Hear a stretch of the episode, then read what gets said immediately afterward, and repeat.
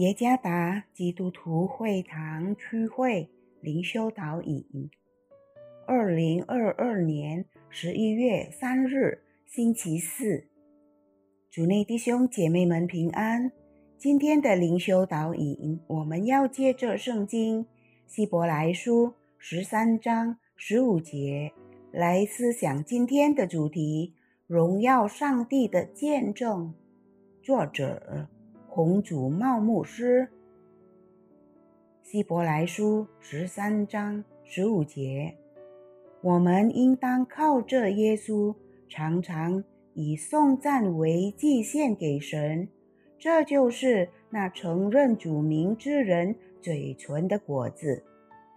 在波斯的一个王国里，有一位宰相，常说赞美上帝，不管在什么情况中。他总是心存感恩，由于他谦逊和敬畏上帝的态度，吸引了国王提拔他为宰相。有一次，国王在欣赏宫殿花园的美景时，手指被玫瑰锋利的刺刺伤了。不远处的宰相急步来到国王面前，说。感谢主，感谢上帝。国王听了这话，不禁大怒，把宰相关进了监狱。几天后，国王在没有护卫陪同下，在森林打猎。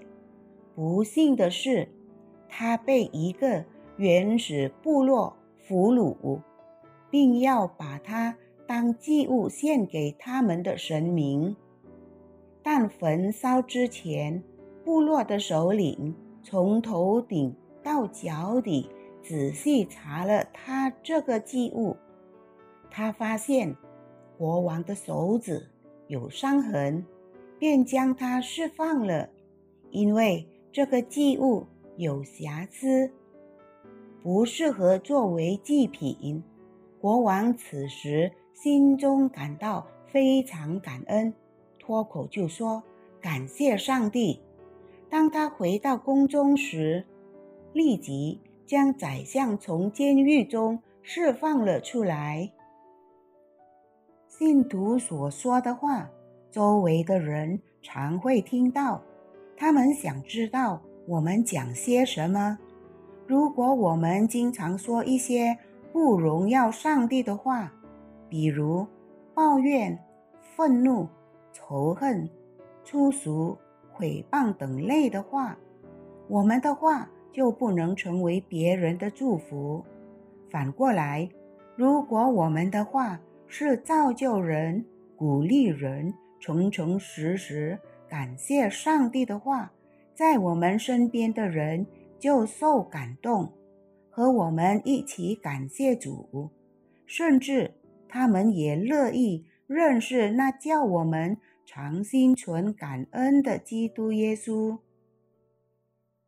我们应当常说荣耀神的话，让我们的生活有美好的见证。